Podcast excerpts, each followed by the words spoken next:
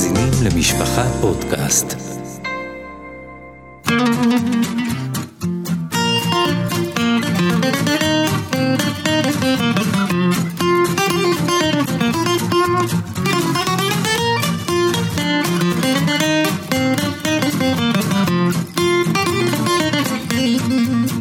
שוב שלום, אנחנו נפגשים בעוד פרק ממש מיוחד אה, של פודקאסט קורת רוח, איתי כתמיד הרב אה, אפרים זלמן גלינסקי, ידידי הטוב, סרול אלתר גרובייס, והפעם זה פרק משמח. פרק על פולמוס. או, זה ודאי משמח. ואני לא רוצה להגיד לך, זה הרבה יותר משמח ממה שאתה חושב, כי הפרק הולך לעסוק במחלוקת. וכידוע, רבותינו אמרו, פרשה זו יפה נדרשת. אה, בשעות שאנחנו עכשיו יושבים ומקליטים, אתה יודע, יהודים ישמעו אותנו אי, אי שם, שהם כבר ישבו בסוכה עם ה... או בהכנות גם. כן, אבל אה, אנחנו עכשיו, בשעות האלה עוד יש דיונים, האם אה, להגיד הסיסרול ודגל התואר ילכו ביחד, לא ילכו ביחד, זה, זה ממש כאילו קצת עניון דיומא. ואתה כתבת כל כך טוב לפני כמה, לפני שבועיים. זה דיונים בשביל הגדולים, לא בשבילנו. כן, אבל אנחנו, אנחנו זוכים לעמוד ליד ולראות. אתה, ו... אתה, אתה תגיע לבחירות, ומה שהרב שלך יגיד זה מה שאתה תעשה. יותר מזה אתה לא צריך אה, להיות מעורב. או, וכאן בדיוק, זה בדיוק הנושא, הנה אנחנו מתחילים ישר בלב הנושא שעליו אנחנו רוצים לדבר. היהדות התורנית, בוא נגיד ככה, את הקולמוס של חג הסוכות, אנחנו מקדישים לנושא הזה, יש אה, בתולדות היהדות החרדית, תולדות היהדות התורנית, בתולדות היהדות, יש המון פולמוסים, המון מחלוקות.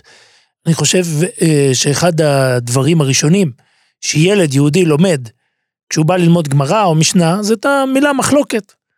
אנחנו לא נבהלים ממחלוקת, אנחנו יודעים אה, אלו ואלו, דברי אלוקים חיים, אנחנו ניכנס תכף יותר לעומק. אגב, הילדים הצעירים, זה קורה בדרך כלל שעולים לישיבה קטנה, אחד מהדברים שקשה להם לקבל, זה שהם רואים פירוש של רש"י על הסוגיה, ופתאום אומרים להם, אבל טייסס אומר הפוך. והם לא מסוגלים לקלוט, רגע, זה... אם מה שרש"י אמר זה תרא, תרא סמס, איך אפשר לחלוק? לוקח זמן עד שהמוח מתחיל לקלוט שיש שיבים פונים לתוירו. יותר מזה, המאמץ להבין את רש"י, ואז להבין את טויספס, ואז, ואז להבין אם ככה, מה... מה, מה במה בדיוק נחלקו? בדיוק, במייקו מפלגי. אז uh, הנושא הזה הוא באמת מרתק. Uh, ב- לאורך ההיסטוריות היהודיות היו, לאורך ההיסטוריה, היו המון פולמוסים הלכתיים. אבל אתה חייב, אתה חייב לבדל שיש הבדל בין פולמוסים פוליטיים, כמו שאתה קורא לזה, או אפילו על מינויים וכל מיני דברים כאלו, ויש פולמוסים שהם נטו הלכתיים. נכון שבסופו של דבר הם יכולים גם לגלוש לפסים אה, פוליטיים, אבל אנחנו מתמקדים כרגע בפולמוסים הלכתיים נטו. זהו, אז אנחנו, אז איך אנחנו נדע לאבחן את זה? לצורך העניין אנחנו צריכים לשים לב מי הקודקודים. אם אלו שמתווכחים ביניהם זה תלמידי חכמים, אז אנחנו הזכרנו את הגמרא במסכת בבא מציע, הגמרא מתארת, אני אמרתי תמיד, זה, זאת אחת הסוגיות הכי חביבות על uh, כל uh, אלה שמתעסקים בתלמוד בשנים האחרונות. תנורו של הכנאי, גמרא מאוד מרגשת. גמרא שמחלוקת, מחלוקת הלכתית שאגב רוב אלה שעוסקים בפולמוס לא, לא, לא יודעים את המחלוקת עצמה על התנור ו... דיני טומא. כן, דיני טומאה וטהרה. ובמחלוקת הזאת מנסים להביא את כל הצדדים. יוצאת בת קול שמנסה לפסוק, ואנחנו אומרים באמצע התורה לא בשמיים היא. ויש באמצע, כשכותלי בית המדרש, הוא אמר, כותלי בית המדרש יוכיחו. הגמרא מספרת שכותלי בית המדרש התכופפו. והוא נעמד ואמר, ליפול. אם תלמידי חכמים מתנצחים, מנצחים זה את זה בהלכה, אתם מה לכם? ואני חושב, אני גם כתבתי את זה, זה בדיוק התפקיד שלנו. כשתלמידי חכמים מתנצחים בהלכה, אז בואו ניקח אחורה. אני רוצה, אני רוצה להגיד משהו, ללכת בכיוון שאתה אומר עכשיו, ואני רוצה להגיד לך איזושהי תובנה שעלה לי לפני כמה שנים, ואני חושב שזה יהיה לזה תועלת למאזינים שלנו. הנטייה הטבעית שלנו, שאנחנו נפגשים בפולמוסים, בוויכוחים בין תלמידי חכמים, בפסק, אז אנחנו סולדים מזה. אנחנו, יש לנו את הדעה המגובשת שלנו, ואנחנו אומרים, יאללה, בשביל מה? אבל אם תדע לנצל את הרגע, כי הרי יש המון סוגיות בש"ס. ולא כל זמן יש לכל אחד את החשק לבוא לברר את הנקודות בכל סוגיה. אבל כשמגיעה מחלוקת, ויש ממילא את האדרנלין להיכנס לעניין, תנתב את זה לקטע ההלכתי, ותנסה להבין טוב טוב מה עם שני הצדדים, ותרוויח מכל הכיוונים. נפלא. אז אה, איפה המחלוקת הראשונה שלנו בהיסטוריה? אה, אני חושב שזה מתחיל כבר עם השמש והירח, הם כבר שם לא מסתדרים, מנסים להקטין זה את זה, אה, אנחנו כל ראש חודש מתעסקים עם העניין הזה. אבל בכל אופן, זה אנחנו... לא מחלוקת הלכתית, נכון, אלא אם כן נכון. אתה הולך עם הפרשס נכון, דרוכים, ש- נכון, נכון. שכל מיני דברים שכתובים בתורה, אפשר להפוך אולי אותם ל... תעשה סוגריים לטובת אלה שלא יודעים, מה אמרת עכשיו? אוקיי, אתה הסברת לי את זה יפה מאוד לפני כמה ימים, אז בוא ניתן לך את הכבוד. יש לנו ספר פרשת דרכים שכתב אותו רבי יהודה רוזניס, המשנה למלך. המשנה למלך. והוא, הספר הזה, אחד הדברים המרתקים שבו, שהוא מנסה להבין בצורה הלכתית, זה דרוש, בצורה קצת הקיצונית של דרוש, הייתי אומר, שמנסה להבין איך האבות, האבות הקדושים, גיבורי, מוישה ואהרון, אה, סליחה, מוישה ופרוי. מוישה ופרוי. גיבורי. התנ"ך, מה קורה שם? איך הם מתנהלים ביניהם? הם מתנהלים לפי ההלכה, הם שומרים תורה ומצוות, הם מקיימים, עכשיו, הוא נכנס לפרטים מאוד, זהו, אנחנו מכירים כמה שאלות שאיך יעקב אה, קונה מעשיו את הבכורה. זה דיון הלכתי מעניין. אחד הדיונים המפורסמים שעליו דיברנו, האם אברהם אבינו שומר שבת? אברהם אבינו מצד אחד, הוא בספק האם הוא יהודי, הוא אבי האומה הישראלית, אבל השאלה אם יש לו דין של יהודי, וגוי ששבת, או שיש לו דין של בן נוח. בכל אופן, ב- ששבת חייב מי זה כתוב. זהו, אז, אז מה הוא יכול לעשות? אז פתרון מופלא, מפורסם, זה הפתרון של ללכת ברשות הרבים, שרב, שאברהם אבינו היה יוצא ברשות הרבים כל שבת עם טלית. טלית שיש בה ארבע כנפות וציציות, ואנחנו יודעים שאם הוא יהודי, אז הציציות בטלות לטלית, בקיצור זה לא נקרא לסחוב, אבל אם הוא לא יהודי אז אין טעם, אז הוא לא חייב בציצית, ממילא יש פה זאת אומרת, הוא יצא מכל השיטות. יש המון המון דיונים בזה. אה, מי שמכיר קצת את ספרות הדרוש ההונגרית, הגליציאנית, שם חוגגים עם זה כמעט בכל פרשה, בכל זה. הולך שמח ומאוד מעניין. אבל אנחנו רוצים להתקדם הלאה. אה, אנחנו ישבנו עם יהודי, תלמיד חכם מופלא.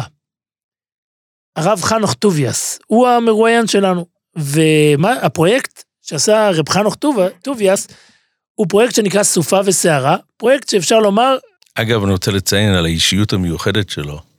אני תמיד ידעתי שהטוביאסים הם ריז'נרס, הם יחסדות אורג'ין, ואני אף פעם לא פגשתי אותם. כשפגשתי אותו, זה היה מורגש על הרגע הראשון. אתה מסכים איתי? אני יכול להסכים, אבל אנחנו, אנחנו לא ריז'נרס. אה, אה, בכל לא, אופן, אבל יש שם משהו, כן, יש, יש עולם אצילות. יש אצילות פשוט אה, אבל מיוחד מאוד. אה, בוא לא נחטא בלשון טוב. אה, מה, מה שהדבר, הפרויקט ש, שהוא עשה, שהוא עושה הרבה שנים לצד המון פרויקטים הלכתיים תורניים מעניינים בפני עצמם, זה, זה, זה הוא מנסה לכנס את כל המחלוקות, הפולמוסים שהסירו את עם ישראל. והוא סיפר לנו בצורה מאוד אה, ציורית איך זה התחיל, הוא גם כותב את זה בהקדמה. הוא מתאר שהוא ישב בישיבה כבחור, ומישהו הראה שם ספר, ספר קדמון, שנקרא כאן רגש העולם. הספר מראה כל מיני, אתה יודע, סערות עבר, שהיום כבר לא מעניינות אף אחד, אתה יודע, ההיסטוריה היא לא מעניינת. והוא אומר, אני רציתי לעשות אה, ספר שיקרא כאן רגש העולם, ספר ש, שבעצם ילמד אנשים שיש סערות שעדיין רלוונטיות, עדיין נלמדות בבתי המדרש, עדיין הולך עם זה, אתה יודע, אנשים מתעסקים עם זה וזה זה עדיין... נפקא מינס עד כן, היום. כן, וזה רלוונטי ומסקרן. ואז הוא התחיל, יצא בפרויקט ארוך שהודפס לבינתיים רק בקונטרסים, אנחנו מקווים מאוד, ואם במה זו תלחץ עליו להדפיס עוד ויותר תכוף ולעשות את זה יותר, יש לציין קונטרסים בהידור רב. כן. הם, הם, אה, ולא רק זה, זה, זה קצת עובד כמו כריכה אחורית של ספר מתח.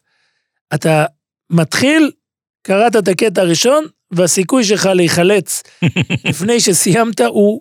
לא, אלו. אתה חייב לתאר איך הקונטרס בנוי. או, יש אז- חלק אז- ראשון, אז הוא בנה, הוא בנה, שני. הוא בנה, כל, כל חלק הוא קרא לו עין הסערה, שבו הוא מתאר פשוט את הסיפור.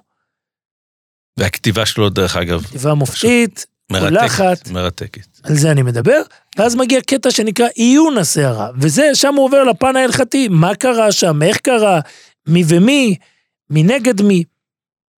ו- ו- ומכאן הגענו ל- לכך ש... הוא, הוא, הוא, הזכיר לנו את המחלוקת הראשונה שיש לה נפקא מינה, זה דיון בגמרא, אה, מחלוקת הלכתית לגבי סמיכה ביום טוב, סמיכה עם סמך, לסמוך על קורבן. אדם שהביא קורבן יחיד, עליו לסמוך על הקורבן לפני שהוא מקריב אותו. עכשיו, ב- ביום טוב יש בעיה לסמוך, כי אתה נשען על בהמה, זה בעיה ביום טוב. כמה שידוע לי, בית שמאי אומרים שבאמת בגלל זה לא מביאים ביום. נכון, וזה היה, וזו הייתה מחלוקת ש- שעברה חמש, חמישה דורות. חמש זוגות. אבל לא ניכנס לזה ונעבור ישר לחלקים היותר סוערים. Uh, הפעם הזאת נדבר על uh, חד, אחת הסערות היותר מעניינות, שהוא קורא לה, זה דווקא נמצא בחלק השלישי. הוא קורא לה סערת העגונה מקמינקה. העגונה מקמינקה, אה, למ- למעשה מדובר בשידוך. שידוך אגב, אדמו"ר- ה- ה- הסערה הזאת, כמו שדיברנו קודם, שיש פולמוסים שהם עוברים מהקטע ההלכתי לקטע הפוליטי. במקרה הזה, לקטע המשכילי. המשכילים לקחו את הפולמוס הזה ועשו מזה מטעמים, זאת אומרת, לדעתם, בשביל אה, לבזות קודשי ישראל. כן, אבל בוא, בוא, אם כבר, אם כבר התחלנו ב, ב, באפיון, אז בוא נלך רגע אחורה. איך נולד פולמוס? וכאן הוא, הוא שם, הוא מפנה את תשומת ליבנו לנקודה מעניינת. זאת אומרת, פולמוס... שאלנו אותו בעצם שאלה, ממתי מתי דבר נקרא מחלוקת, ומתי דבר נקרא פולמוס. זאת הייתה שאלה אחת, ו- ועליה הוא ענה בקלות. הוא אומר, ממתי שיש יותר מדי מעורבים בעניין, פולמוס זה מלחמה, זאת מלחמה מרובת משתתפים ביוונית, מאז שזה מגיע להמון משתתפים, אז אנחנו נמצאים כבר בפולמוס. אבל מה שיותר מעניין, למה נוצר פולמוס? מה פתאום קורה שבמאה ה-19 למניינם מתחיל סערה, מתחילה סערה הלכתית? וזה מה שהוא אומר. פולמוס נוצר בדרך כלל במקום שאין תקדימים הלכתיים קודמים. כשאנחנו ניצבים בפני או המצאה חדשה, הדוגמה המופתית שלו זה מצות מכונה. כאשר בצרפת מגיע מישהו, מחבר שתי אבנים, אחת לשנייה, משחיל ביניהם את ה... כל המכונה זה היה רק בשביל הרידוד הבצק זה לא יאומן, אנחנו, אנחנו כבר, כשאנחנו שומעים מכונה באוזניים שלנו, יש פה משהו מתועש, מדובר כמעט על איזה החלפה, פונקציה מאוד מסוימת, הוא משיג היתר, ואז, אגב, אני רוצה לציין... רגע, שה- ואז יוצאים נגדו לאיסור. כן. אוקיי? אז זה, זו דוגמה שנוצרת מציאות חדשה, מציאות שלא הכרנו קודם. גדולי ישראל החדשים של דורנו, זאת אומרת של הדור הר... הרלוונטי לדיון, נאלצים עכשיו להתחיל לדון. וכשהם מתחילים לדון, עלולה להתפתח סערה. זה דוגמה אחת. אני רק רציתי להוסיף לך קודם, יש פה משהו שאנשים לא שמים לב אליו, אבל שמתי לב שבמאפיות, שבהכשרים של הבד"צים הספרדים, מאפיות של מצות יד, אז הרידוד הבצק נעשה על ידי מכונה כזאת. מעניין. אנשים שקונים מצות יד, הם חושבים שהם קונים מצות יד כאילו מההתחלה, אבל המכונה הזאת, הספציפית, שהיא הייתה ראשונה למחלוקת, נעשה בו שימוש היום בשביל מצות יד. וכשתמצא לומר, על, על המכונה, רק על המכונה הזאת יצאו האוסרים, על המכונות נכון. הבאות הם כבר לא דיברו, נכון. אבל הם כבר אסרו, אז אה, מדין קל וחומר. בכל אופן, ויש גם סיטואציות שבהן יש אה, מקום שלא המציאות חדשה, אלא סיטואציה חדשה. בה ניגע עוד מעט, אבל למשל, אחת הדוגמאות הכי מופלאות, קרתה בסך הכל לפני 75 שנה, הסיפור של קו התאריך. הוא סיפור שאנחנו לא נוכל להרחיב אותו עכשיו, אבל זו דוגמה קלאסית של מחלוקת שהתוצאות שלה נוגעות לרבבות יהודים מדי יום ביומו עכשיו, נכון, לא אז. נכון. היום כל בן אדם שטס לאיזשהו משהו של עסקים או משהו כזה, במזרח הרחוק. הוא נכנס, אתה ל- רוצה לבעיה לשים במילה כמה שאפשר להסביר את זה בלי המחשות ובלי תנועות ידיים? אתה תצטרך פה להעמיד פה גלובוס ולעשות הסרטה על ה... זה- זה- די מורכב. בכל אופן, אנחנו יוצאים מנקודת אבל. אפ- אפשר להגיד בצורה, בקיצור נמרץ, שאם יש לך משטח, אז יש התחלה וסוף. תחילת המשטח, יפה. וסוף המשטח זה ההתחלה והסוף. ברגע שאנחנו יש לך יוצאים- כדור, יוצאים הכדור אין באמת שהעולם- התחלה וסוף. אתה יודע, היום כבר- הח- היום כבר יש אה, מפקפקים בזה ובחיסונים, אבל, אבל ברגע שאנחנו יוצאים מנקודת הנחה שהעולם הוא עגול, אנחנו צריכים לשאול את עצמנו איפה הוא מתחיל היום ואיפה הוא מסתיים. הוא באמת אין לו, אין, אין באמת נקודת התחלה, כל בדיוק, נקודת התחלה היא מסתובב שרירותית. בדיוק, ואנחנו צריכים לקבוע נקודה אחת. לא, זאת לא נקודה, זה למעשה קו. קו אחד לכל האורך, אנחנו צריכים לקבוע שהוא יהיה, יסמן התחלת יום. ואז מה קורה? השם עוזר, חמי, הוא, הוא מתאר לנו גם בציוריות יפה, המדע, המדע הגויי, בוא נאמר, לא מאוד מתעסק בשאלה הזאת, כי היא לא רלוונטית לו ב, ב, בגדול. אה, הוא- לשלב מאוד מאוד מאוחר, שברגע שעולם העסקים נהיה כבר גלובלי, והתאריכים הם מאוד משמעותיים, צריך לדעת, אה, שאתה עושה עסקים עם מדינה אחרת, אז אתה מוכרח כבר לקרוא נכון, את אבל, ה... אבל, אבל אתה יודע ברור מה חושבת המדינה ההיא ומה אתה חושב. אבל הוא מתאר אה, סיפור הרפתקני של אה, סביב לעולם ב-80 יום, שמישהו מקיף את הגלובוס ואז הוא שם לב שיש לו יום מיותר בחיים. ו, ו, ועוד אה, דברים כאלו. מאידך, היהודים גם במשך שנים לא התעסקו בזה. אפשר לומר 5,700 שנה לא מבריאת העולם. לא, זאת אומרת, היו, היו יחידים היו יחידים שהתעסקו בזה, אבל הם אה, לא באמת כבר הסירו. מתקופת הראשונים. נכון. זה מה שהוא ציין. לא, ש- שה... אז, אז אתה מדבר על הכוזרי. נכון. ספר הכוזרי מזכיר את הבעיה הזאת ומניח שצריך להיות, צריכה להיות נקודה כזאת, נקודת התחלה, כן. רק שאנחנו לא יודעים איפה לשייך, השאלה כמה, כאשר בחורים, בחורי ישיבות, בחורי ישיבת מיר, נסעו, ברחו במלחמת העולם השנייה, הם ברחו והגיעו לשנגחאי, לאזורים הללו של המזרח הרחוק, כאן נוצרה השאלה, באיזה יום הוא שבת? זאת שאלה אה, לא מאוד קשה, השבת, כי בסך הכל הם היו בחורים שלמדו, הם לא עבדו, אז רבים מהם החלו לשמור מספק שני ימים. הבעיה הגדולה התחילה ביום כיפור, הבעיה הגדולה, קרדינלית, נוצרה ביום כיפור. שלהחמיר צריך יומיים לצום. שזה חשש של סקונס נפושס, ולכן, אף על פי שהרב מבריסק תמך בדת אז רגע, אז רגע, בוא נתחיל מההתחלה. וכדי ש... כדי שהסוגיה הזאת תתברר, הקדוש ברוך הוא דאג שלצד בחורי מירה לתאים, יהיו גם בחורים חסידיים, חלקם מישיבת חכמי לובלין, חלקם, אני זכיתי להכיר יהודי שנפטר השבוע והיה שם בסיטואציה הזאת, הרב הגויין, רבי יוסי הורוביץ, היה ראש שיבה שלנו, הוא עוד היה בשנגחאי, הוא דיבר על זה לפעמים? הוא דיבר, אני הבנתי לפי מה שאני קראתי, שרוב הישיבה כבר עזבה נכון, ב- ב- ביום כיפור. נכון. נשארו מתי מעט. בכל אופן, התפתחה מחלוקת.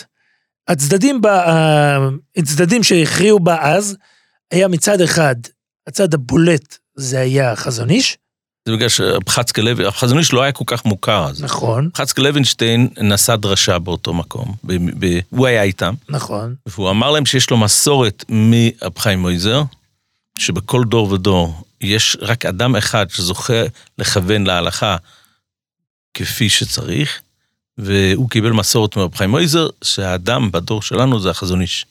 אף פי שלא הכירו אותו כל כך, הם שלחו מברק לחזון איש לבקש את אה, דעתו. ומהצד השני היה אה, את החסידים. החסידים עמדו, שלחו פה לארץ, זה לא היה אה, כתפיים של מישהו אחד, אבל אמרי אמס מגור, והרב הרצוג היה מעורב בזה, ומי שכותב על זה הרבה, מיכאל טקוצ'ינסקי. נכון, ומי, ש, ומי שמתעד את הסיפור הזה מהצד, ה- בוא נקרא לו החסידי של המפה, הוא הרב אה, מנחם מנדל קשר, שהוציא את הספרים תורה שלמה. היה חסיד גור, נכון? כן. בכל אופן, הוא מתאר את זה, וזאת הייתה מחלוקת, אבל לא עליה באנו לדבר, זאת מחלוקת של סיטואציה. אנחנו מדברים על מחלוקת שלכאורה יצירה שהפוסקים לא הכירו. וזה הסיפור המופלא של העגונה מקמינקה, אולי הרב יספר קצת. אני קצת, אה, כמו שאמרת, בשבת האחרונה התחלתי לקרוא את המאמר המאלף של הרב טוביאס על, על הסיפור הזה. עכשיו, קודם כל הסיפור הזה קיבל תפוצה עולמית. אה, נדמה לי אחרי מלחמת העולם השנייה, היה איזשהו סופר יידישאי, שיש טוענים שבסוף הוא חזר בתשובה. הוא חזר יודעים. בתשובה, הוא התקרב קצת, קראו לו ישראל כן. יהושע זינגר. שייס, אחיו היה יותר מפורסם, אייזק בשבס זינגר. אחיו היה אומר שאם, שאם היה צדק, אז אחיו, אז אחיו הבכור היה צריך לקבל. היה יותר, יותר חשוב. שניהם בנים של יהודים מאוד חשוב, חסיד רדזמין. אבל uh, בקיצור, אז האח הזה, זינגר, עשה מזה מחזה, מאוד מאוד לא מחמיא ליהדות התורנית, וכאילו אה, מדגיש את הצער של העגונה הזאת, של אה, הבת של הגאון מקמינקה. לא, לא רק זה, הוא גם הכניס, הוא ערבב שם עוד סיפורים. מהמם. אה, לא זה הדיון, אבל מה שמעניין בסיפור, הוא הסיפור עצמו. כן, הסיפור, הסיפור הוא סיפור מרתק. אני מוכרח להגיד לך ש, שאחרי שגמרתי לקרוא את זה, הראש מסוחרר, כי אתה לא מאמין שמציאות כזאת יכולה להיות קיימת בכלל. אז הסיפור מתחיל שהגויין מקמינקה, שהיה מקורב לחסידות צאנז, כמה שידוע לי, אה, עשה שידוך עם משפחה חשובה, גם כן מחסידות צאנז, קוראים משפחת רבינוביץ', שגם הם היה להם סבא שהיה... אה, היהודי הקדוש מפשיסחה. זה, אה, זה, זה כאילו דורות קודם. זה לא דורות קודם. היה ממש יהודי- נכד שלו כן, היה? כן, היהודי הקדוש מפשיסחה. ואנחנו מדברים על נכדו רב צמח משידלובצה. הוא היה עצמו חצי אדמו"ר ומקובל, מהמם. שהתעסק הרבה במה שאנחנו יודעים, כתב קמעות, התעסק בקבלה מעשית. כן, הם השתמשו עם זה בסוף נגדו על הסיפור הזה, כן. הנכד, האבא, רב צמח כבר היה נוסע קצת לצאנז, היו עוד בגזע פשיסחה. זאת אומרת, אנחנו מדברים על הבן של רב צמח הזה, שקוראים לו משה חיים רבינוביץ', והוא השתדך עם הבת של הגויין מקמינקה. מה יש המשפחה של הגויין מקמינקה? רוזנפלד. רוזנפלד. אז אה, אוקיי, הם, הם השתתחו כהרגלם של, ודאי של אותו תקופה, בגיל צעיר מאוד, אנחנו מדברים על גילים 15-16. וכנראה שמשהו לא הסתדר שם כבר על השלב הראשון, והבן חזר ל, לנופש לבית אביו. הבן. הבן, לפי מה שידוע לנו, הבן. זאת אומרת, החתן. החתן, החתן נכנס קצת לדיכאון, מאוד נשבר. כן, והוא הגיע חזרה ואבא שלו לקח אותו בחזרה אליו הביתה. בל נשכח, מדובר ב- ב- בחתונות שהיו בשנים ההם, זה ילדים, זה בחורים, זה... כן, אנחנו מדברים 15-16, כן, מה... והוא החזיר אותו הביתה לשידלובצה, חשבו שאולי המסע, ההתרחקות מהבית, זה מה שעשה לילד, זה מה שפגע בו. כן. בסופו של דבר, אחרי, אני לא זוכר בדיוק כמה זמן, אבל הילד נעלם. ויצאו משלחות, משלחות, משני הצדדים, גם מצד רב צמח וגם מצד הגויין מקמנקה, לחפש אותו, ובמשך 15 שנה, לא פחות, אין סימן חיים מהבחור. עד שקבוצה של אנשים, אני חושב תלמידים של, של השוור, זאת אומרת של הגויין מקמנקה, הם אלו שמצאו, גויין מקמינקר הוא היה חצי אדמו"ר, זה רבי שוע, רבי שיאלה קמינקר. אוקיי? כן. והחסידים שלו הצליחו מי שרוצה סתם אה, ללמוד קצת על קמינקר, יש ספר שיצא לפני כמה שנים, ספר אמריקאי כזה, שנקרא אה, אה, אוהב, אוהב שולם. ושושלת קמינקר, סתם אם כבר מזכירים במילה, אה, אה, הסבא, שולם קמינקר, היה מאוד אה, מיוחד ב... הוא היה גליציאנר, אה, מה שנקרא, היה לו הרבה חידודים, מהמם. היה הרבה, היה בגזע הזה, הוא היה מיודד עם הרופשיצר ועם, הקבוצה הזאת שהיו, שהיו שם בגליציה, וסתם... חלק מהתשובות בנושא הזה היו מאוד אה, בצורת הפלפול של גליציה באמת. כל הסיפור קורה בגליציה, גם קאמינקי בגליציה, הכל בגליציה, חוץ משידלובצה, שזה באמת יותר אה, פולין. כן, אבל האדמו"ר הבולט בסיפור הזה זה השינבר, זה הבן של ה... כי, כי, בן, או, בן של ה... תזכיר את הפרט הזה. כי, מצד. ה- כי ה- האדמו"ר, רבי חזקאל משינבה, הוא היה השטחן של הזוג. או. הוא שידך, זה למעשה חתונה אדמו"רית עליו. לכל דבר. הד- הדבר הזה רבץ עליו. רגע, רגע, אבל. אנחנו עוד לא יודעים מה רבץ עליו. או, אז אז. אז בוא, בוא נמשיך את הסיפור. כן. בקיצור, אח- אחרי 15 שנה הם עולים על בן אדם. עוד פעם, שים לב, ילד חתן, נכנס לדיכאון, חוזר בחזרה, נעלם כמו שבלעה אותו אדמה, אף אחד מהמשפחה לא יודע איפה הוא, הוא נעלם ל-15 שנה. 15 שנה, זה היום דבר בלתי אפשרי, אבל אז בתנאים שאין תקשורת ואין כלום, אף אחד לא מצליח להשיג פרטים איפה הילד, כולל המשפחה הקרובה. לא יודעים עליו כלום. אוקיי, וחסידי הגויין מקמנקה עולים על בחור מסוים, כבר לא בחור, כבר בן אדם בן 30, ו... בוא נתפור את זה. באחד הימים מפציע בעיירה קמינקה. מפציע יהודי מוזר, רזה מאוד, קרח, עם מלא חטטים על על הפנים, הפנים, מזוקן כמובן. מזוקן. אה, אנחנו יודעים שהנער שעזב היה בלונדיני, אנחנו יודעים אפילו, פנים חלקות, זה חלק אנחנו מהסיפור. יודעים הכל, ואחרי 15 שנה פתאום נוחת הלך מוזר ומסתורי, מופנם מאוד, סגור מאוד. אני, אני מבין לפי הסיפור שלפי ראות עין אף אחד לא היה, כן. אף אחד לא היה חושב לא עליו אף אחד, שזה אבל, החתן. אבל אז מישהו מתחיל לדבר איתו, או. מישהו נכנס איתו בדברים, הוא מגיע לבית כנסת של העיירה, כמו איזה עני ואביון מתיישב בצד. מישהו מתחיל להיכנס איתו בדברים, אחרי כמה דקות הוא אומר, תשמעו, זה החתן הנעלם. אם חסר, התחיל לגלות פרטים. אם חסר משהו, מתחילים לתחקר אותו. איפה היית? נעלמת? מה קרה? אתה מוישה חיים? הוא מאשר. הוא מספר פרטים שאף אחד לא יכול לדעת אותם. בדיוק. על הליל הוא החתונה, הוא על ההכנה לספר- של אבא שלו לקראת החתונה. זה דברים ש... זה לא דברים שמוסרים אחד לשני, או, או אפשר למצוא בעיתונים ידיעות כאלו, זה דברים אישיים. והעיר קמינקה צהלה ושמחה. זאת אומרת, יש עדיין כמה שאלות, הילד לא נראה, הוא לא דומה לילד שעזב, את זה הם פתרו בזה שהוא עבר אומרים, 15 תשמעו, שנה של סבל, או, ועוד אז, דבר, אה, ועוד דבר. טוען גם שהוא עבר או, טיפול רפואי. כששואלים אותו על ה, על ה... זה דרמטי. כששואלים אותו, מאיפה החטטים שיש לך על הפנים, הוא אומר, עברתי אבעבועות, ונכנסתי לבית חולים בפינסק. או בבריסק, יש, אלו שתי גרסאות. זהו אז שהוא... השילבר הלך לברר את שנייה, שנייה, הנקודה עוד. רגע, רגע, אתה... אנחנו צריכים לספר סיפור לאט לאט. אנחנו, הוא פעם אחת מעדכן שזה היה בבריסק, ופעם אחת בתחקור, כל הזמן מתחקרים אותו, כל הזמן מנסים. הנה, אחרי 15 שנה הולכים להציל עגונה. אין לך מצווה ושמחה יותר גדולה, כל העיירה קמיקה, צהלה ושמחה, ושולחים מברק לשיטלובצה, לאבא, אומרים לו, בוא. בוא, מצאנו את בנך העובד. אבא מגיע, האבא מגיע, בדחילו ורחימו, כולם לוחץ- מצפים שיהיה מפגש מרגש. יש מפגש מרגש, הוא לוחץ לו את היד, מסתכל עליו לעומק, מסתכל לתוך העיניים ואומר, חבר'ה, זה לא... זה לא הבן שלי.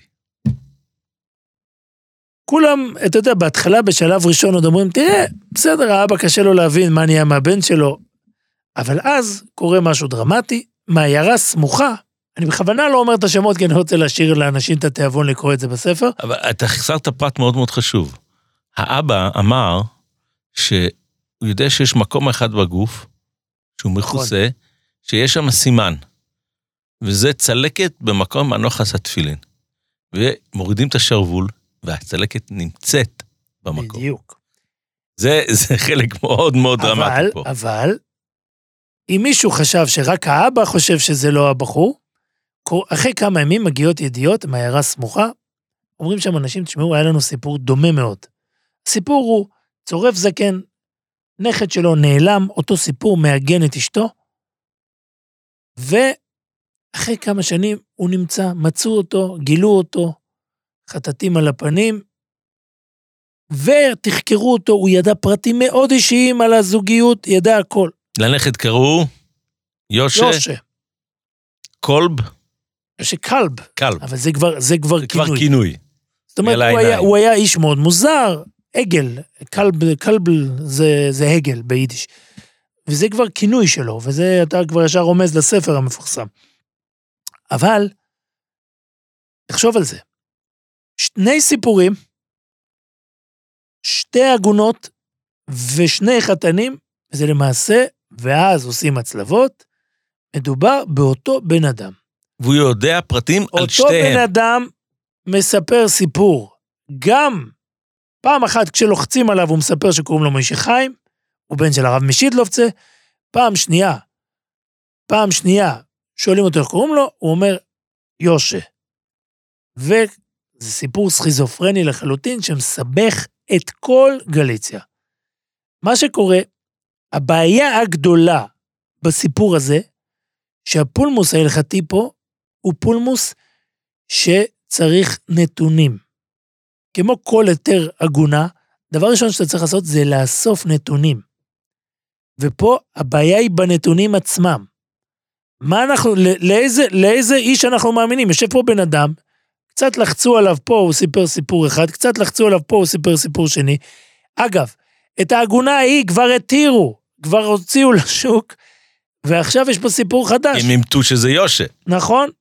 בית דין אימת, לא יודעים מה לעשות. אגב, אגב, אם לא היה מגיע הסיפור של יושה, והיה רק את משה חיים ואבא שלו, והיה את כל הסימנים. אני מתאר לעצמי שזה היה בסדר. היו מתירים, לכאורה. כן. פה הבעיה התחילה בגלל הסתירה בין העדויות.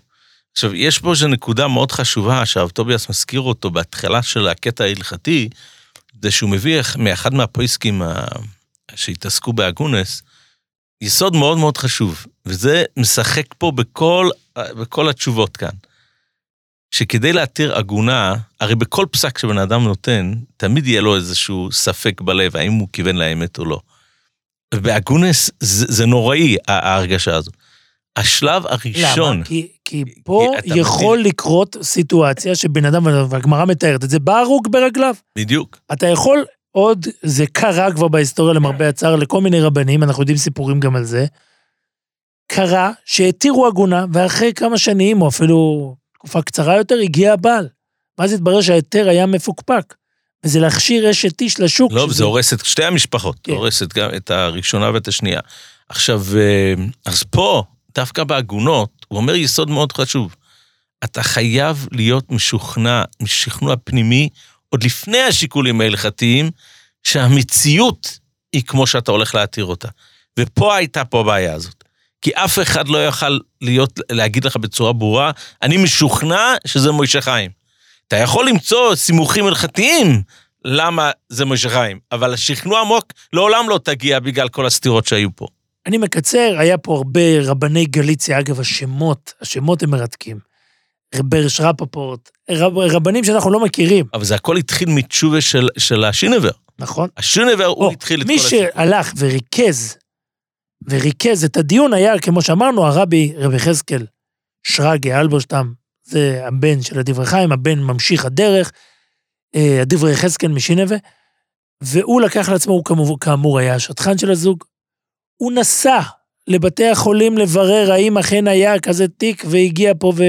ועבר אבעבועות ובאמת, והתברר שאכן. בסופו של דבר, אני מקצר ממש, כמו שעושים בעוולות, אני רק הורס את הסיפור, אבל בסופו של דבר אין לסיפור הזה אפי אנד, אני רק צד אחד. אני רוצה לציין אבל משהו מאוד מאוד חשוב, אולי זה ירגיע. יש את, תא- את, אה, תיאוריה אחת שיכולה ליישב בין שתי הדברים, וזה מובא בתשובה שם. ש, ש, שלחצו אותו על הקיר, שאלו אותו, איך אתה יודע פרטים גם על מוישה חיים וגם על יושה? אז הוא מספר ככה, אני בעצם מוישה חיים, אבל באיזשהו שלב, הסבא הצורף חשב שאני הנכד שלו, סיפר לי, וכפה עליי לחזור איתו לעיירה שלו, ושם אספתי נתונים על החיים של היושה הזה, לכן אני יודע פרטים על שתי, שתי האישים. נכון. עכשיו, בסופו של דבר, הרבי משינבה כותב לו, כותב לה גט, אה, היא יוצאת לשוק. אבל היא, הוא מבטיח לה גם אריכות ימים, והיא, והיא משום מה לא מתחתנת, היא לא סגורה כנראה להיתר. גם היא, השואה, אני חושב. היא לא מתחתנת והיא שורדת עד השואה. זה למשל דוגמה, בת 102, אני חושב. דוגמה מופתית של פולמוס הלכתי מרתק. אבל, ברשותך, אה, אנחנו פתחנו בשאלה. השאלה היא שאלה מעניינת. יש מחלוקות. עכשיו, איך זה ייתכן? איך זה ייתכן? לפעמים אחד אומר א', אחד אומר ב'. מישהו פה טועה. זה, אה, ההגדרה הזאת נקראת בין הלומדים מחלוקת במציאות. זאת אומרת, יש מחלוקות שזה מחלוקות של סברה. אבל הנה, מחלוקת פה. אין אפשרות לומר שאלו ואלו דברי אלוקים חיים. מישהו משניהם ודאי טועה. וזאת שאלה שמעסיקה את uh, גדולי האומה המון המון שנים. Uh, מה שמעניין, מצאתי ספר, ספר מאוד מאוד מעניין, הוא לא הודפס אף פעם מחדש. אני קראתי אותו באותיות שבורות, וממש במאמץ רב, לא קראתי את כולו, כן? הספר נקרא מלא רצון. מי שכתב אותו זה הרב, אחד מגאוני אה, וורמייזה, אני מדבר על תקופת הראשונים. בשנת תמ"ם. אוקיי. וורמייזה המשיכה לשרוד הרבה שנים אחרי הראשונים. בוא תנסה למקם, אני, כאילו, מי, איזה דמויות פעלו באותם שנים, נגיד, מי היו רבותיו? רב דוד אופנהיים, זה, מהמם. זה הרבנים של ניקלשבורג, זה, זה כל האזור הזה. רוצה, סימן, זה תקופת אה, קצת לפני, לפני הבעל שם טוב, מהמם. נולד בתנ"ח. אתה מבין? אז אה, זה, זה אזור תחתת, אנחנו דיברנו על השנים הללו, וקוראים לו רב אברום נפתולי צבי הירש הלוי שפיץ. עכשיו, מה שמעניין בספר, הספר הוא, הוא ממש מופת, שווה רק לקרוא את ההקדמה. והספר נקרא מלא רצון, הוא הולך ולוקח בו, אני חושב, 1,500 מקומות בש"ס, וואו. שיש ביניהם מחלוקות, ש... מחלוקות שלא מסתדרות. והוא, אה, והוא מנסה פשוט ליישב את זה. והוא עושה תרגילים מדהימים. אחד התרגילים, שזה, אתה רואה גרפית, אתה פותח ספר ישן, בספר בדפוס שהיום אי אפשר לקרוא אותו, ואתה מדפדף שם באחד העמודים במסכת ברכות, כולם יודעים שיש... אה, יש, הגמרא מספרת על היום שבו התווספ, התווספו ספסלים לבית המדרש. ואז הגמרא מתחילה לחלוק כמה ספסלים נוספו. האם 400? הוא, זה לא יכול, הוא, משהו שם לא עושה לו טוב. ואז הוא מתיישב ומצייר ביד את הספסלים. הציור מודפס בספר? כן. הוא מצייר את הספסלים ומנסה להראות טבלה מסוימת, שכשאתה מסתכל על זה מצד אחד, זה נראה לך מספר כזה. כשאתה מסתכל עליו מצד שני, אז זה, וזו, וזו המחלוקת. הוא ממש מרכיב בית מדרש מול, בציור. ש, היינו, ש... היום היינו קוראים לזה וירטואלי. כן. וירטואוזי, לא וירטואלי. אה, והוא ממש מתאר, הוא מתאר שהוא ישב ולמד, אני, אני מכיר לך רק כמה קטעים מתוך ההקדמה, כי ההקדמה שלו מרתקת ומרגשת. הוא מתאר כמה זמן הוא עבד על זה. ויהי כי ארכו הימים ונתתי ליבי, כי זה 30 שנה כמעט, שאני עוסק בישיבות ופלפולים. הוא מספר על עצמו, כי התקבלתי לרב כשהייתי בן כ"ג שנים. והייתי רב במדינת מיירן, זה מורביה, איפה שהיום זה, אה, רב בכמה קהילות, והוא ישב גם, ב, הוא היה רב של הקהילה המפורסמת של ניקלשבורג. היום אה, כל האזור הזה הוא צ'כיה. ו- והוא ממש כאילו, בסוף הוא שואל את עצמו, אחרי שהוא מזדקן והוא כבר נהיה רב, הוא שואל את עצמו, לאן אני הולך? עכשיו הוא גם מתאר, ככל שאתה רב, אתה לא יכול, הוא מתאר לעצמו שהוא נהיה רב בוורמייזה, אתה כבר לא יכול להתעסק עם לימודים, אתה צריך כל הזמן לענות, אתה מוטרד מה... ענייני העיר. ו- ולכן לוקח לו המון המון שנים, והוא יושב ושוקד על הפרויקט הזה, והפרויקט הזה הוא מפעים בכל דרך, ו- ומה שמעניין, אה, את, את הקיבוץ של הספר הוא אומר, עסקתי בזה שבע שנים. אם אתה רוצה, הוא גם מפרט, משנת תס"ג עד שנת תע"ע, והוא אומר, לא, אלו לא היו שנים רצופות, כי ידוע מה שמוטל על מורי ההוראות היושבים על מדין, שצריכים לעמוד על משמרתם. אנחנו מוטרדים עוד מאוד דברים, אנחנו לא יכולים רק ללמוד. וגם אנוכי עמדתי על משמרתי, משמרת הלוי, להשפיע על התלמידים המקשיבים, הוא מדבר גם על הלימוד. אך בכל זאת ראתה עיני וליבי בהול עמי לעיין על הדברים ולפרק בפירוק. בקיצור, הוא ממש מתאר, הוא ישב כל רגע פנוי ניצל בשביל הפרויקט הזה. ואז הוא מדבר, וזה, וזה, הוא מדבר על אלה שיבואו אחריו. הוא אומר, תראו, אתם יכולים לחלוק עליי, אל תגנבו לי את החידושים. ו, ומשהו, בשביל הדוגמה הזאת, הוא מספר על משל, משל שאנחנו יודעים, אני לא יודע אם זה משל או סיפור אמיתי, מה שנקרא ביצת קולומבוס. והוא מתאר אותה באריכות, הוא, הוא לא כותב את השם קולומבוס, הוא מדבר, וזה יהיה לך למשל ולשנינה מהמקרה אשר קרה זה כמו כ"פ שנים, זאת אומרת, זה 180 שנה אחרי גילוי אמריקה. אני חושב שבפועל זה קצת יותר, אנחנו יודעים שאת... את, 1492. אה, והוא מדבר קצת יותר שנים אחרי זה. אצלנו זה רנ"ב, מה שגילו את אמריקה. אם ניקח 100, זה שנ"ב. אתה מדבר על הת"מ, מה שהוא אמר. הוא כבר פה מדבר על תס"ג. אז זה יותר מ-200 שנה בעצם. הוא לא מדייק כל כך בשנים, אבל uh, כנראה שהוא שמע את הסיפור, זה עוד היה טרי. והוא מדבר על... Uh, uh, שהלכו ללכוד, שים לב לניסוח, ללכוד עולם חדש ממש, נקרא נאווה מונדה.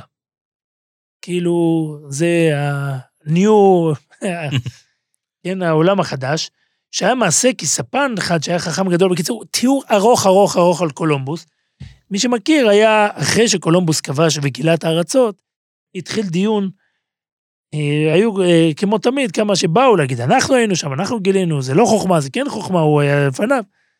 ואז קולומבוס ישב, לקח ביצה, ואמר למלך, אני רוצה לראות שכל אלה שמתחרים איתי, שיקחו את הביצה וינסו להעמיד אותה. להעמיד אותה בלי שום עזרה. כמובן שאין דרך להעמיד ביצה על, ה... על החוד שלה, או אפילו על הכד שלה, אין דרך. ואז אה, קולומבוס אמר, ואז המלך אומר, אוקיי, בוא נראה אותך. ואז הוא לוקח את הביצה, נותן מכה, שובר את התחתית, ומציב אותה. אז כולם מתחילים לגחך ולהגיד, מה, זה, זה כל אחד יכול לעשות. אז הוא אומר, אני לא אמרתי שאי אפשר לעשות. אני רק רוצה להגיד לכם שדבר טוב, כשממציאים אותו, כולם אומרים, בוא'נה, יכולתי לעשות את זה. זה בדיוק הקונץ של תגלית, אה, תגלית מבריקה. זה עד היום, זה הביצת קולומבוס הזאת, היא משמשת. ומה שמעניין, שרב נפתולי צבי זה אומר, אפילו אם יש לכם דברים שנראה לכם שאתם אה, ידעתם יותר טוב ממני, אז אני מבקש מכם, שימו לב, אני זה שחידשתי, אני זה שהמצאתי את הגלגל. הרעיון הזה ליישב את כל המחלוקות... אה... לפחות, זאת אומרת, גם אם זה נראה לכם ש... גם אם נראה לכם שאתם גם הייתם חושבים על זה וזה, זה שלי. אגב, יש מסורת בעולם הישיבות בשם הגאון מווילנה, שאין מחלוקת במציאס. נכון, וזה... וזה תמיד וזה, יהיה חייב להיות מחלוקת בסברה או משהו. ואת הפרויקט הזה בדיוק הוא מנסה לחולל. זה בדיוק, אה, הנה, אתה נוגע בדיוק במה שהוא ניסה לעשות. מה שעוד מעניין, זה עוד, עוד, אה, אם כבר מדברים על ההקדמה הזו, מה שעוד מעניין, לזהות, יש עוד ציור שעשוי בכתב ידו. יש, בתוך ההקדמה, אתה תראה ציור של עיגול, בתוך עיגול, עם, רס, עם uh, חריצים. שם הוא מספר, הוא גם היה מקובל. והוא מתאר שהוא ורב דוד אופנהיים מניקלסבורג הוציאו דיבוק. אנחנו מדברים על מקובל בתקופה של לפני הארי או אחרי הארי? ודאי שאחרי. אחרי הארי אתה מדבר.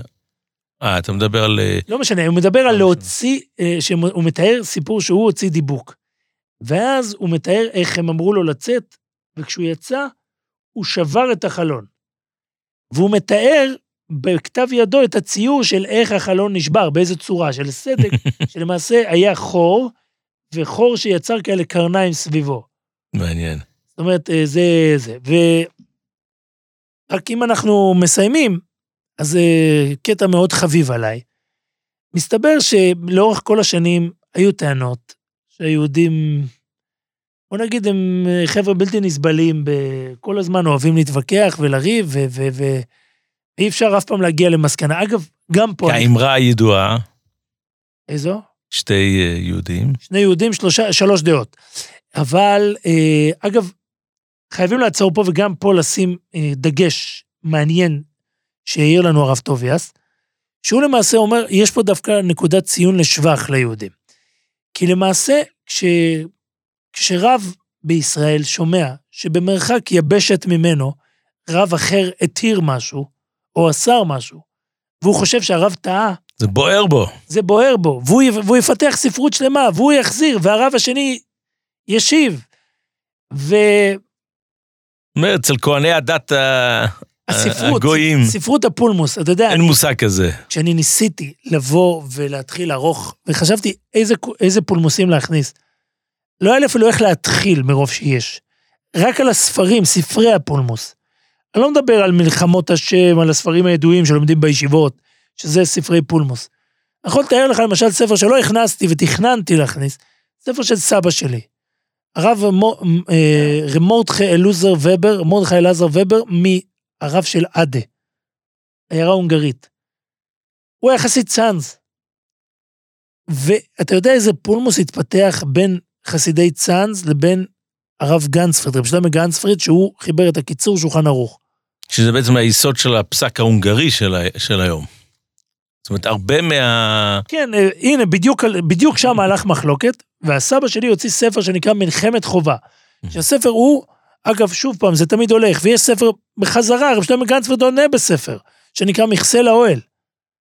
מה, מה היה נקודת המחלוקת? נקודת המחלוקת הייתה אה, השגות של רב שלמה גנצפריד על נושא של גיטין, אה, שמות בגיטין. והנושא של שמות בגיטין, דיברנו על זה, אגב, מישהו פעם ביקש שנעשה, נייחד פעם על שמות.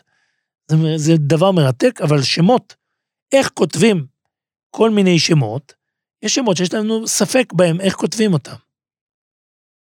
אז אה, בא בפרט הרב, בגלל ההטיות בכל מקום. נכון, ובא הרב גנצפריד, וחלק בצורה קצת, השיג בצורה קצת חריפה, על פסקים שכתב בעניין הזה הדברי חיים מצאנז. אמ, וכאן קמו שני תלמידים של הדברי חיים, אחד מהם סבא, והחזירו ספר, וה... ורב שלמה גנצפרד החזיר נגדם ספר, והם החזירו עוד ספר. שלמה גנצפריד היה בעל הוירואה בסדר גודל של רב חיים מצאנז. הוא חצי דור אחריו, וכן, באזורים, באזורים שלו, אה, באזורים האלו של... אה, כן, כנראה שאנחנו לא תופסים נכון את כן, ה- כן, את לא, הדמות. זה, זה יותר כאילו- הונגריה וזה יותר גליציה. אבל ברור שכן, הוא גם קצת הגיע, דנו איתו, תלמידי, אה, תלמידי ליסקה וזה, מתמודדים איתו הלכתית, הוא היה מאוד גדול בגליל הזה, בגליל של הונגריה. בכל אופן, אז לכן אני אומר, ו... אז יש בזה גם תעודת כבוד לילדים. ואני רוצה ל... ל... אה, לצטט לך קטע, שבזה אולי נסגור, ונקווה שאנחנו בימים אלה לא פותחים עוד פולמוסים, אבל אה, לפני 400 שנה, המהר"ל מפראג, בספר נצח ישראל, מתאר ויכוח עם שלו, עם אה, חכמי אומות העולם, היו לו כאלו בפראג, שדנים איתו בדיוק על הדבר הזה. למה היהודים כל הזמן מתקוטטים וכל הזמן רבים? והם רצו לטעון שזה בגלל ש... שנפשם רעה, והמהר"ל ממש נחרץ, ו... ואצל המהר"ל כל דבר מגיע בלשון ארוכה מאוד, שאני לא אקריא אותה. אבל הוא אומר להפך, אצל היהודי נפשם חשובה, והחשוב מצד טבע עצמו יבקש המעלה. ולא תמצא כי הכפרי מקנא בחשוב. בקיצור, מה שהוא אומר, דווקא היהודים, כל אחד מהם הוא באמת חשוב, קשה קצת לכפוף אותם, וזה בסך הכל אומר שהם אמר לי פעם דעתנים. אה, תייר שהגיע מחוץ לארץ, זה מאוד מעניין, בארצות הברית אני לוקח מונית, והנהג שותק כל הדרך. פה אני מגיע לארץ, הנהג יש לו דברי תרא, דברי מוסר, השקוף אה, פוליטיקה. זאת אומרת, זה שעם ישראל, זה לא, הם לא יכולים להיות אה, אנמים, מה שנקרא, נקרא לזה כך. הם חייבים להיות אה, בעלי דעה. אני חייב רק לסייג שהמהר"ל לא כל כך מרוצה מזה, המהר"ל אומר, עדיין יש בחירה, לא חייבים לריב. לא חייבים לריב, אז אם אנחנו... אבל בהלוכה אפשר לריב. אדרבה, הרב עת ואב בסופה. אה, אז בואו בוא נגמור באיזה שלום טוב. כל מה שנאחל ליהודים ששומעים אותנו בחג הסוכות, תדעו לכם שאפילו לא התחלתם לשמוע על פולמוסים, רוצו לתוך הבסמדרש, יש עוד המון המון המון, והם מרתקים, והם ממשיכים, ו- ונוגעים לכל ולא דור. נברו עמו ידויס. אלו בשביל... ואדרבה, ש- בדיוק השיעורים של חול המועד זה שיעורים מצוינים, זמן טוב להתעמק וגם להכיר את הצדדים ההיסטוריים. זה מרתק, והפורס סוכת שלום, יפרוס עלינו את סוכת שלמה ברחמים וברצון. אמן.